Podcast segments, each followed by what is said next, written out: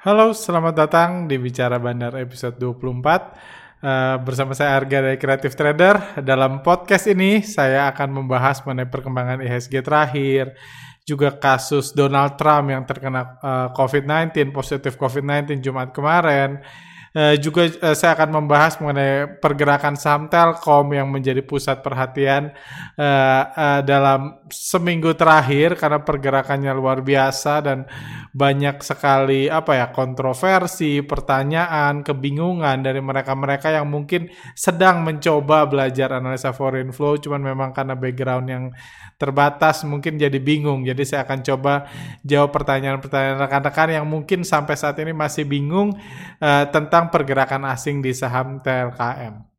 Ya, seperti itu. Oke, mari kita mulai. Oke, uh, kita review dulu pergerakan IHSG uh, minggu ini. IHSG minggu ini kembali terkoreksi. Uh, pergerakannya cukup menarik dari akhir-akhir September, dari Senin sampai Rabu kemarin. Asingnya ter, uh, terlihat uh, cukup aktif jualan. Uh, uh, investor asing cukup aktif jualan. Dia kayaknya Uh, semangat banget ngejar omset ngambilin uang lokal di IHSG kayak gitu tapi di awal Oktober uh, di awal Oktober hari Kamis IHSG-nya naik IHSG-nya naik 2% kelihatan banget gitu. Uh, uh, apa ketidakadilannya asing masuk 7M aja sempat IHSG sempat naik 2%. Terus hari Jumat ada berita Donald Trump, Donald Trump IHSG-nya turun lagi seperti itu dan asing pun jualan juga anyway uh, pada hari pada hari Jumat seperti itu.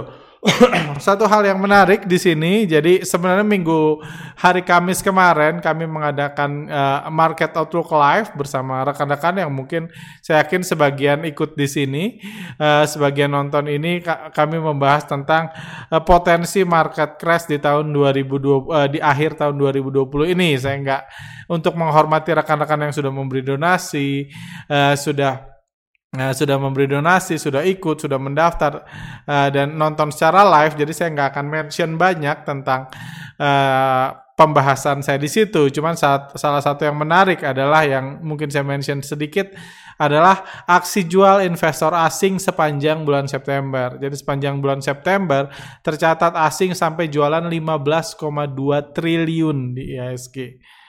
Asing, artinya bagi yang belum paham art, apa artinya net sell asing 15,2 triliun artinya uang uang yang tadinya milik orang lokal selama bulan September pindah ke orang asing. Jadi asing bawa 15,2 triliun. Jadi asing sekarang uang 15,2 triliunnya ini sudah dibawa uh, udah di tangan asing. Adalah murni keputusan asing mau dibeliin lagi saham di Indonesia mau dibeliin obligasi atau mau dibawa pulang itu murni keputusan mereka karena uang udah di tangan mereka. Jadi seperti uh, dan sangat wajar karena investor lokal yang beli, investor asing yang jual, sangat wajar bulan September IHSG terus melemah. Karena kita tahu yang mengatur, yang menyetir pergerakan IHSG adalah investor asing. Kalau mereka jualan terus ya sama kayak kita kan idealnya. Kalau kita kalau kita jualan kita berharap harganya turun. Asing pun udah lumayan dia ngantongin 15,2 triliun sepanjang bulan September. Uh, wajar aja kalau IHSG turun. Tapi tentunya yang jadi pembahasan uh, uh, saya juga beberapa minggu kemarin adalah uh, daya beli investor lokal yang mulai melemah daya beli investor lokal yang mulai melemah karena bagaimanapun investor lokal kalau duitnya terus diambilin sama asing tentunya uangnya mulai terbatas. Itu kekhawatiran saya. Tapi ada ada ada juga eh, kekhawatiran itu juga yang saya khawatirkan kalau nanti eh, ada bisa memicu market crash kalau investor lokalnya yang justru pengen keluar. Sekarang asing keluar bawain duit lokal. 500 M setiap hari 500 M sampai 15 uh, eh, triliun di bulan November. Kekhawatirannya nanti kalau lokalnya mau keluar lokal mau ngambil duit siapa? Kan dia nggak bisa mak maksa asing beli. Kalau saya mau jualan saham saya kan berarti saya harus ngambil duit salah orang yang beli. Cuman duit siapa itu Cuman sedikit kekhawatiran itu uh, uh, terini at least dalam waktu dekat setelah saya melihat jumlah pertumbuhan uh, akun uh, di BEI di bulan September. Bulan uh, jadi itu juga pertanyaan saya ini 15 triliun ini duit siapa semua kok duit lokalnya nggak habis-habis. Terutama di pertengahan September ketika lokalnya terlihat masih sangat kuat kok duit lokalnya nggak habis-habis ya. Ternyata kalau kita melihat data jumlah akun saham baru, ini jumlah akun data yang dirilis ke saya bukan SID, bukan investor ya, tapi anggaplah uh, uh, ini ya 80 persennya adalah investor baru. Uh, 20 persennya adalah uh, jumlah akun ya uh, investor yang sama yang buat dua akun kayak gitu akun kedua atau akun ketiga kayak gitu jadi pertambahan jumlah akun saham di bulan September itu 81.278 akun saham ini adalah rekor terbesar sepanjang sejarah IHSG. Nggak pernah dalam satu bulan jumlah investor baru di bursa saham naik sampai 81 ribu. Artinya apa jumlah investor baru? Artinya masuk dana segar baru. Dan masuknya dana segar baru itu tentunya sangat disambut baik oleh investor asing, artinya ada duit baru yang bisa mereka bawa pulang. Karena percuma asing uh, jualan kalau nggak ada yang mau beli. Ini bisnis, bursa saham itu bisnis, bukan main ekonomi-ekonomian, bukan main uh, dukun-dukunan, ini bisnis. Ketika asing mau jual, harus ada yang beli. Dan kebetulan ada 81 ribu nasabah baru yang mau beli.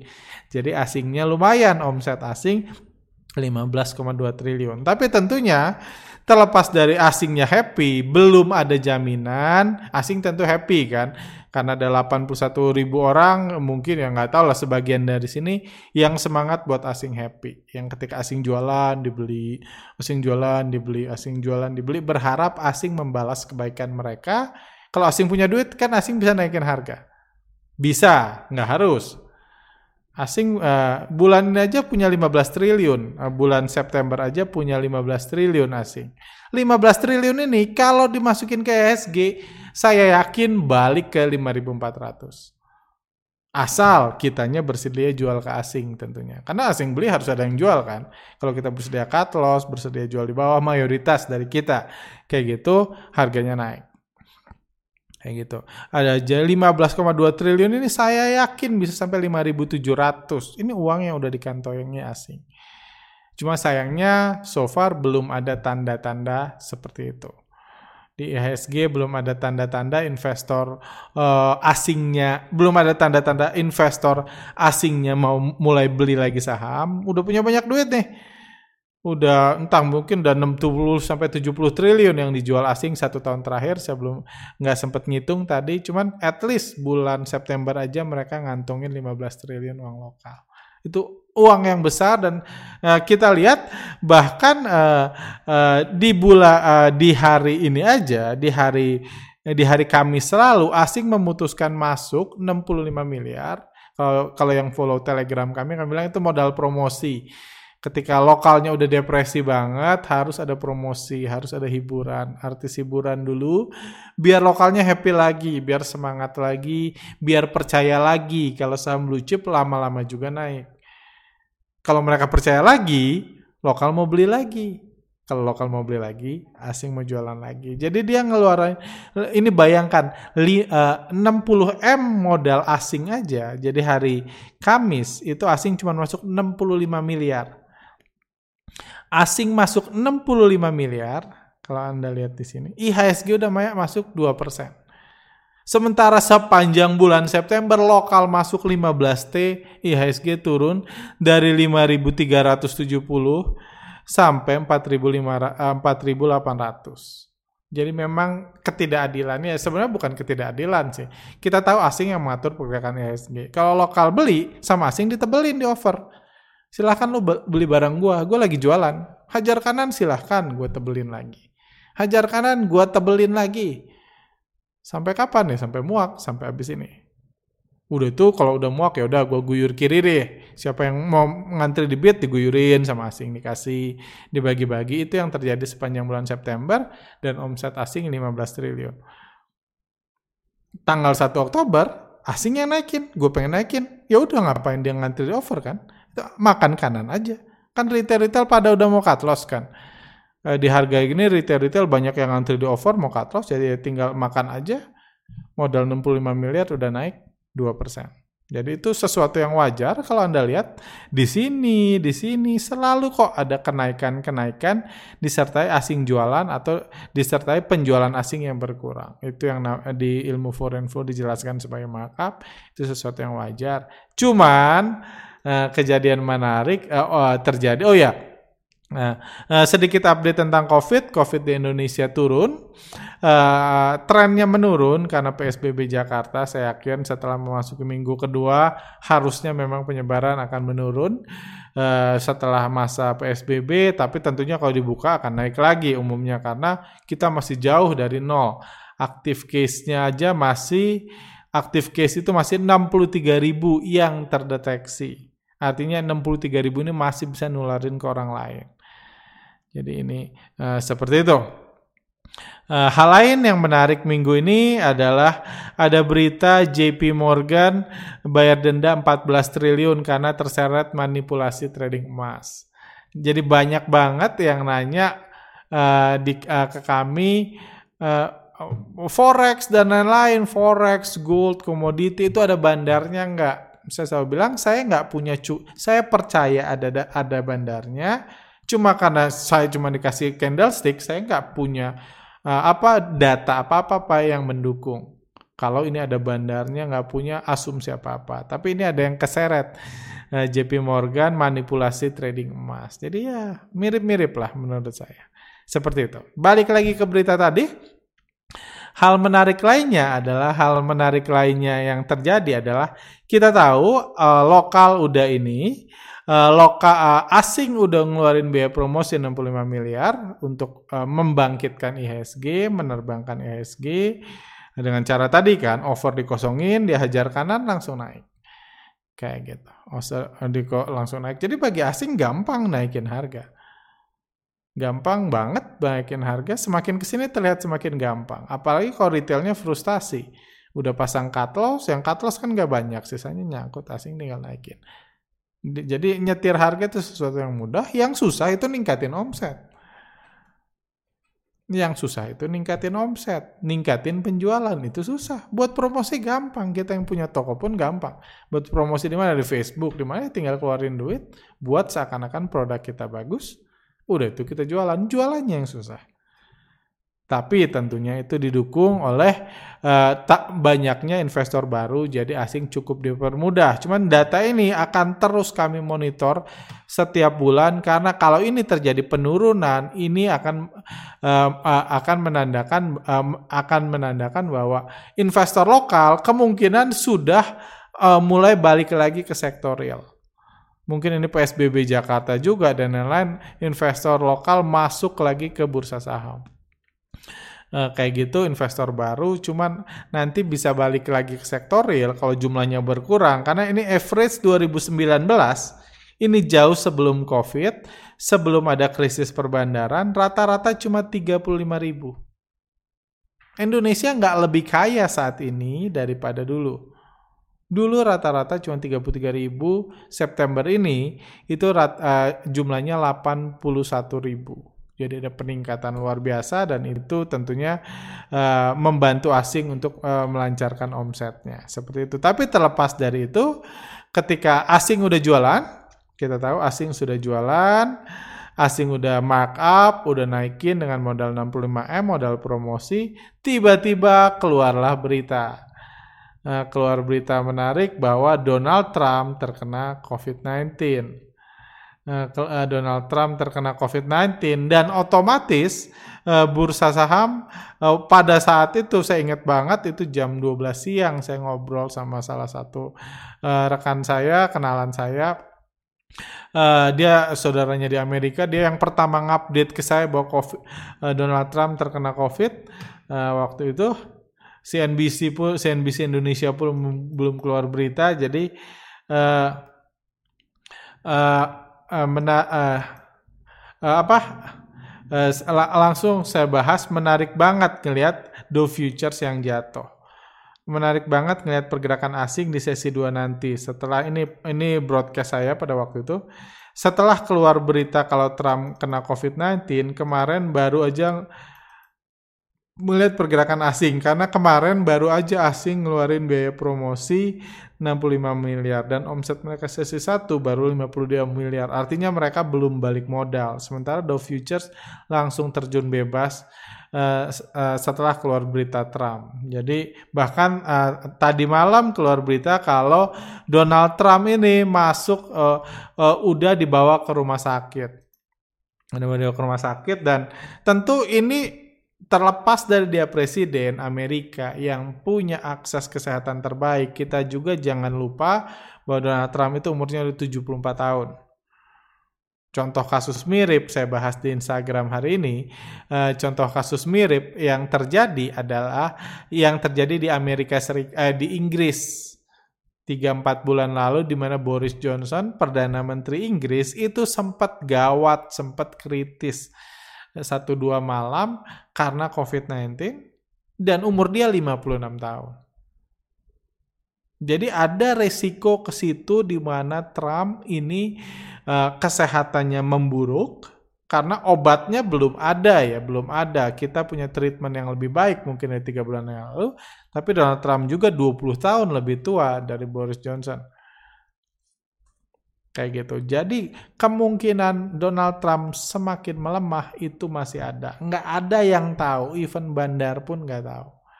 Dan kita tahu Amerika sekarang dalam masa pemilu, jadi ini membuat ketidakpastian yang luar biasa besar. Apakah pemilu akan ditunda kah? Apakah akan diskualifikasi atau gimana? Itu sesuatu ketidakpastian yang sangat besar untuk Amerika sekarang karena presidennya terkena COVID beserta beberapa jajarannya. Jadi kalau ngomong sektorial ini mengerikan, yes. Ini sesuatu yang unpredictable.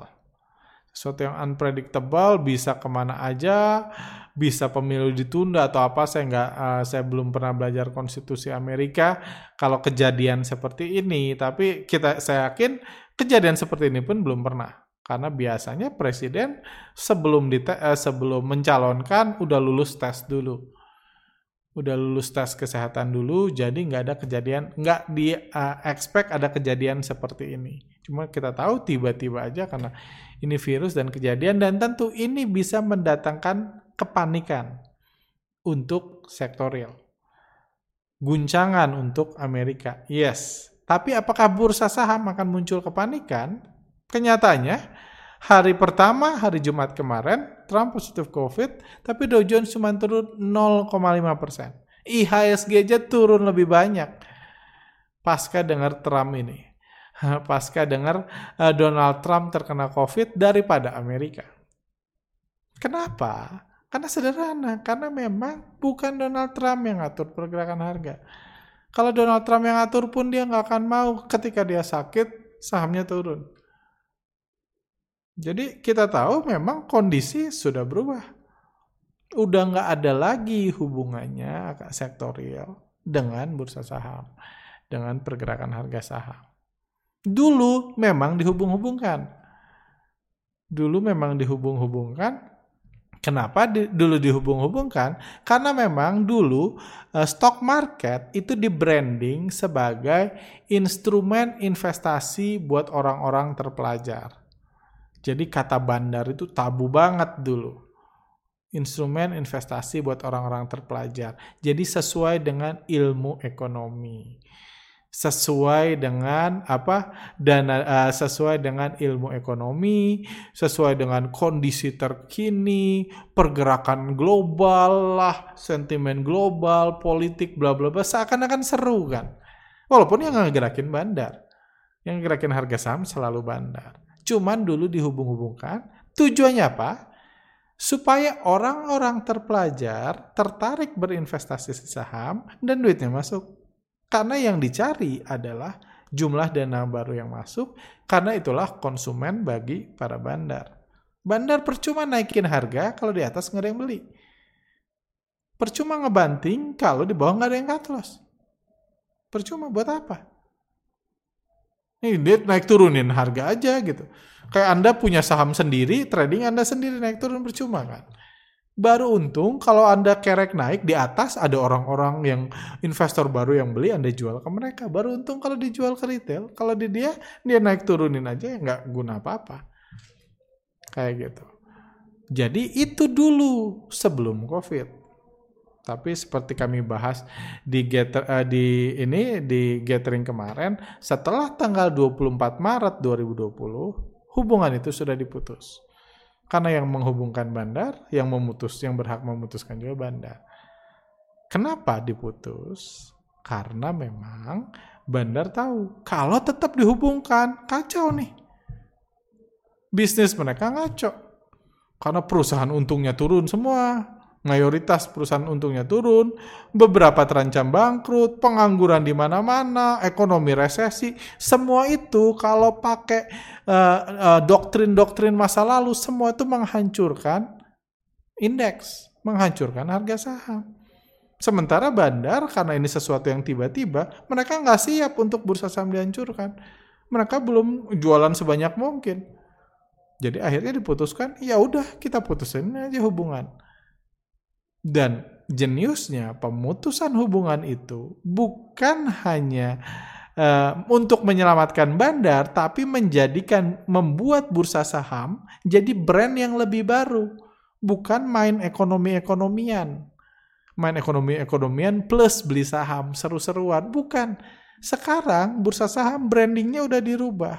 Sekarang adalah tempat nyari duit yang aman dari COVID-19 aman dari resesi ekonomi. Ekonomi Amerika turun 30% pun terbang. Amerika rusuh dulu kita takut dulu kita ditakut-takutin sama panasnya politik yang ber, menyebabkan kerusuhan. Amerika rusuh, Dow Jones-nya naik. Sekarang udah beda. Sekarang ini instrumen anti krisis. Apa pun krisisnya, harga saham diatur oleh bandar. Nggak ada urusan. Sekarang bukti lain, Donald Trump, Donald Trump terkena COVID, indeks cuma turun setengah persen. Beberapa hari yang lalu aja, indeks Dow Jones turun 2 persen, nggak ada apa-apa. Sekarang cuma turun setengah. Negara-negara di Asia aja turunnya lebih banyak dari Amerika. Karena itu brand yang sedang dibuat. Pertanyaannya, bandar mungkin nggak khawatir Amerika akan kacau? Mungkin.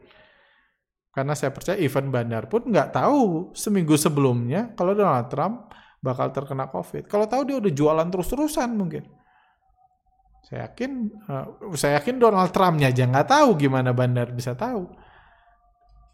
Cuman meskipun bandar pan, meskipun bandar mungkin khawatir, panik dalam kondisi ini. Cuman kalau mereka panik menyebabkan dan membuat kepanikan, mereka jual paksa, bandar panik, retail panik, harga jatuh malah tambah parah. Jadi kalau bandar panik, apalagi kan ini informasi yang diterima bersamaan. Donald Trump terkena COVID, dia nge-tweet seluruh dunia langsung tahu. Mau dia bandar, mau dia retail, taunya barengan nggak ada yang sempat gerak duluan beda sama laporan keuangan misalnya. Laporan keuangan bulan uh, uh, tutup bulan September diumumannya November. Bandar tahu September kita tahu November. Ya itu enak bandar. Ini bisa jualan duluan segala macam. Kalau ini kan enggak otomatis. Jadi kalau gini apa yang harus dilakukan bandar? Dia menenangkan dulu. Karena orang panik nggak belanja. Omset lebih penting Orang panik kan gak belanja saham. Takut dia. Wow, apalagi kalau dibanting. Jadi dia milih tenangkan dulu. Tapi the real actionnya akan kita ketahui minggu depan. Kalau kita lihat nih, asing kan udah menenangkan nih, udah nggak ngefek COVID. Cuman kalau minggu depan kita lihat asing semakin kasar jualan, itu resiko yang ini semakin maksa jual nggak ngasih nggak banyak ngasih ngasih ini lagi kan obat kuat lagi. Nggak di markup lagi si invisible hanya nggak di nggak dipakai lagi langsung guyur. Itu justru tanda bahaya nanti. Sekarang ini fokusnya tenangkan dulu. Nggak ada apa-apa. Bursa saham kuat. Ini atas kendali gua. Karena wajar juga kan tukang jualan. Anda kalau jualan jualan beras misalnya, hanya karena Donald Trump uh, kena COVID bukan berarti harga beras Anda harus turun kan? Ya harga ya beras-beras gue gue yang nentuin lah. Donald Trump kena COVID, gue kena COVID aja harga gue nggak gue turunin. Itu kan bisnis. Kayak gitu. Seperti itu. Itu hal pertama. Jadi uh, saran saya kita perhatikan kalau kalau di Amerika kita nggak bisa melihat pergerakan bandarnya, cuma kita perhatikan di Indonesia minggu ini, apalagi karena jangan lupa ini mungkin memburuk, kondisi masih mungkin memburuk. Selama uh, seingat saya Boris Johnson itu dia memburuk di minggu keduanya minggu keduanya berarti Kamis Jumat lalu Kamis Jumat depan kalau Donald Trump memburuk dia bisa memburuk. Sebelumnya dia biasa-biasa aja dibawa ke rumah sakit, Donald Trump udah bawa ke rumah sakit dan dia mungkin memburuk. Dan itu bisa dimanfaatkan bandar untuk mendatangkan kepanikan kalau mereka butuh itu. Kalau mereka udah jualan mungkin Senin sampai Kamis, Jumat memburuk, Jumat dibanting dulu aja. Jumat dibanting dulu dan kita pun akan panik kan. Jadi kita harus hati-hati mengamati. Itu hal lain yang juga menarik adalah uh, pembahasan tentang Telkom di mana uh, ini salah satu post Instagram kami uh, yang kami rilis hari Rabu lalu. Uh, uh, kami mengatakan sudah di level terendahnya dalam lima tahun terakhir. Kenapa asing masih jualan TLKM? Ini grafik penjualan asing. Kita lihat asing terus jualan, terus jualan sampai mencetak level terendahnya lima tahun terakhir. Kenapa masih jualan? Banyak ini pertanyaannya. Kenapa asing masih jualan di level terendahnya? Banyak yang mengira asing cut loss. Cuma saya jelaskan di situ. Ini contohnya, ini grafik Telkom. Hmm. Eh, grafik Telkom ini kita lihat uh, ini asing mulai jualan di tahun 2019 di bulan ini April eh di bulan apa? Di bulan Agustus dia jualan waktu itu masih 4.400 dijual terus sampai 2.500. Indikatornya terus turun. Yang ini juga tertinggi Telkom di sini di uh, Telkom mulai jualan di sini di 4.500, di 4.800 eh, ini asing terus jualan sampai jatuh. Dan kalau Anda lihat grafik foreign flow itu di titik terendahnya dalam 10 tahun terakhir. Dari 2009 sampai 2020 itu titik terendahnya. Artinya apa? Artinya barang yang dijual asing di sini, ini satuannya lot, itu nggak pernah dibeli sejak 2019 karena 2019 ini masih di atas. Ini barang yang dibeli jauh sebelumnya di harga seribuan. Itu yang saya bilang. Jadi itu mematahkan ini bahwa karena banyak yang ini kan banyak yang suka berasumsi asingnya cut loss. Enggak asingnya enggak cut loss. Asingnya enggak cut loss. Karena e, hal lain yang juga pertanyaan lain juga ini ada. Banyak yang bilang asingnya cut loss. Pertanyaannya kenapa asing harus cut loss karena harganya turun, yang nurunin itu asing. Kayak Anda belok ke kanan, kayak Anda supir, Anda belok kanan, Anda panik. Kenapa gua di kanan? Nggak masuk akal. Kenapa harus cut loss? Dia kan bisa diam harga Telkom nggak turun. Kenapa dia harus cut loss? Ada yang bilang mungkin ada apa-apa dengan Telkom. Let's see. Tapi yang pasti sekarang belum cut loss. Mungkin kayak Aisyah dulu Aisyah cut loss, yes, dulu Aisyah cut loss karena pabriknya mau digerebek. Apakah Telkom kayak gitu ya kita nggak tahu. Yang pasti sekarang mereka belum cut loss. Dan bukan hanya uh, konyol menganggap asing itu cut loss, karena besoknya asing bisa naikin. Kalau dianggap harga udah kemurahan ya dia naikin. Kita tahu hari Kamisnya asing beli Telkom, asing beli harga langsung terbang 7%. Jadi nggak ada itu asing, wow stres kayak gitu. Asing beli harga langsung terbang. Jadi dia bisa naikin kapan aja saham Telkom. Kenapa harus cut loss? Cuma kembali lagi, promosi itu mudah, yang susah jualan. Kalau di sini dia, kemungkinan dia udah ngeliat retail-retail kan udah panik kan, udah titik terendahnya lima tahun terakhir. Berarti semua support lima tahun udah tembus semua kan? Ya bebas kan, support kan kita yang buat. Asing mau nembusin semua juga bebas. Harganya langsung terbang. Jadi nggak ada kebutuhan asing buat cut loss karena dia bisa naikin harga. Yang nyetir itu dia.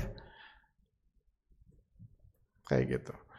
Yang nyetir itu dia, jadi nggak ada kebutuhan cut loss.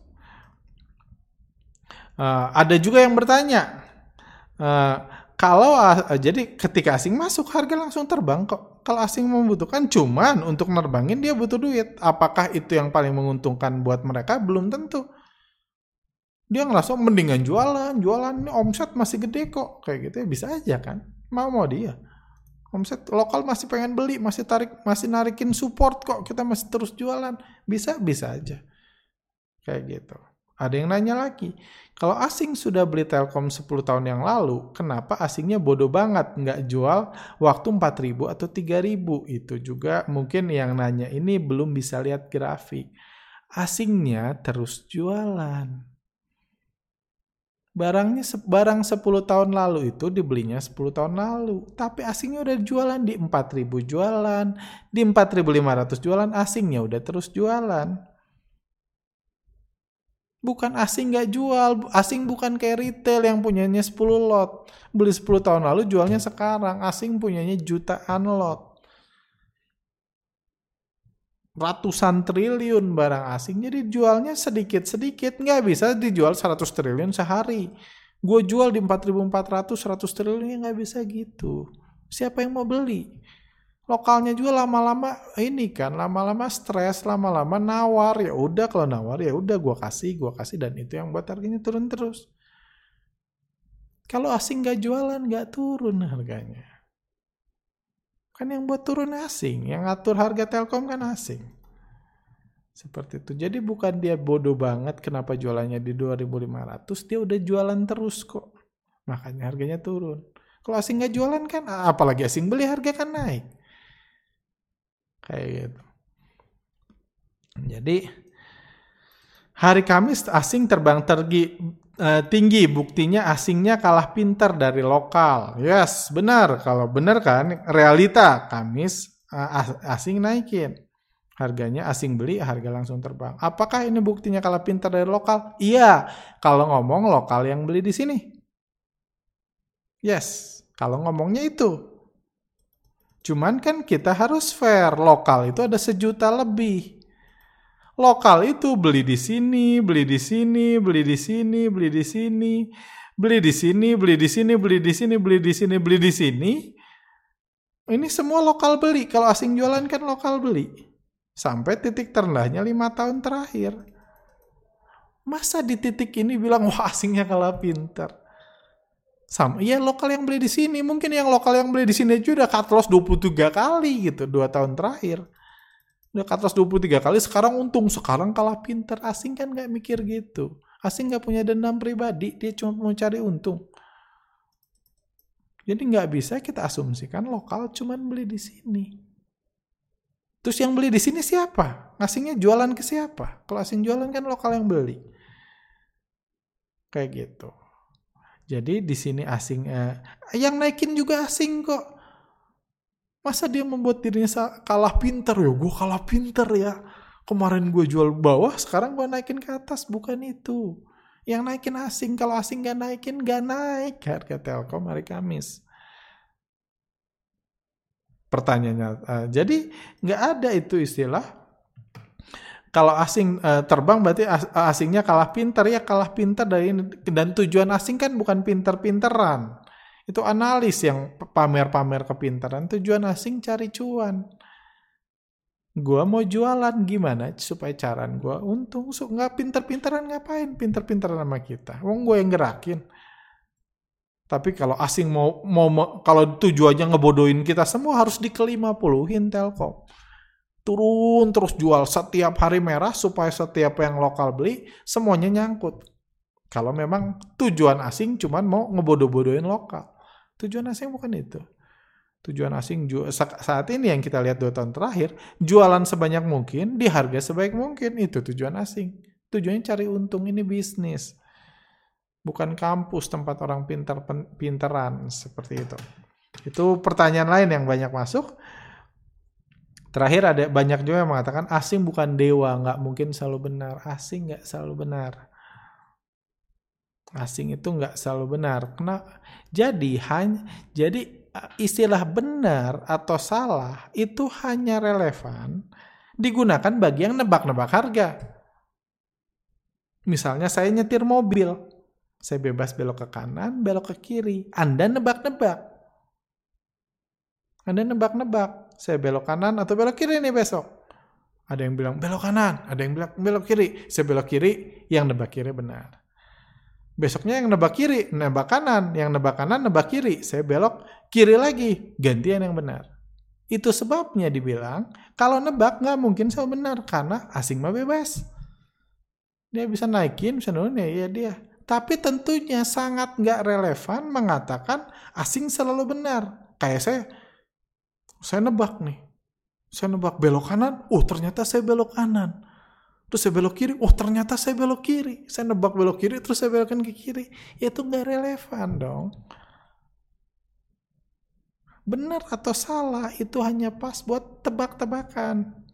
Yang tebak-tebakan. Asing bukan yang selalu benar. Asing itu yang ngatur pergerakan harga. Asing yang nyetir pergerakan harga. Asing yang ngehancurin Telkom dari 4.900 ke 2.500. Asing juga yang nerbangin Telkom.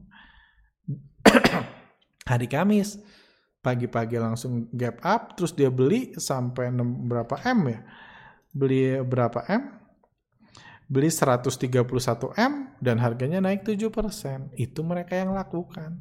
Bukan benar atau salah simply untung atau rugi pertanyaannya oh ada yang bilang lagi sekarang asingnya nyangkut bukan nyangkut mereka yang jualan kan Cuman tentunya asing di sini dalam kondisi eh, dalam kondisi dia baru belanja hari Kamis, hari Jumat keluar berita negatif. Asingnya pun jualan turun kenapa? Karena asing jualan karena dia lagi. Kayak gitu. Terus gimana ke depannya? Kita lihat nih. Uh, kita lihat oh sorry. Uh, kita lihat ke depannya gimana? Karena di sini asing belanja, uh, uh, 131 M harganya naik, terus asing baru jualan 21 M. Berarti 100 uh, eh, berarti kita kalau dua hari, kalau dua hari berarti total asing masih punya 110 M. Dia beli di kisaran harga sini. Apakah asingnya? Kita lihat kalau dia bisa jualan lagi 101 M, 101 M uh, uh, jualan lagi pembelian dia di sini di atas harga rata-rata, berarti dia untung. Kita harus bisa mulai membedakan antara yang mengatur pergerakan harga dan yang nebak-nebak. Itu beda jauh. Ada yang mengatakan, wah retail pinter, retail bakal beli di, beli di paling bawah, nanti jual di paling atas retail. Pertanyaannya, kalau retail beli di paling bawah, jual di paling atas, terus yang naikin siapa? Kalau yang naikin asing, asing harus beli dari retail lain. Mungkin enggak dari Anda, tapi dari retail lain. Kan asing nggak bisa. Terus gimana asing naikin kalau dia nggak beli sahamnya? Kan harus makan di over untuk naik. Kayak gitu. Jadi itu penjelasannya bagi rekan-rekan yang mau belajar.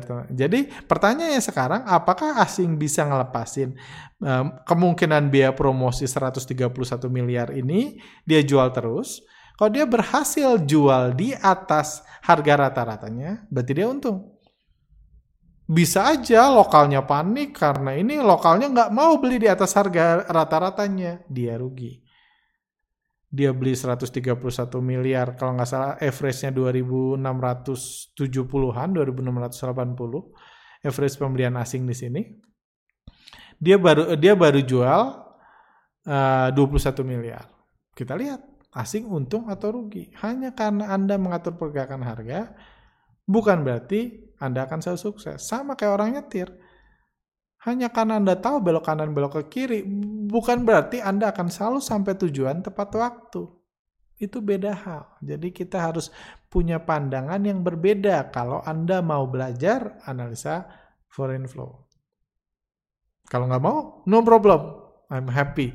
Saya happy Anda nggak mau, karena pada akhirnya kalau asing mau terus jualan Telkom, harus ada yang beli. Dan saya percaya Anda bisa membelinya. Nanti kalau asing mau akumulasi, harus ada yang jual ke asing. Dan kalau Anda nggak suka foreign flow, berarti Anda lah yang akan jual ke asing ketika asing mau beli Telkom nanti. Karena pada akhirnya yang ngatur kan mereka. Seperti itu.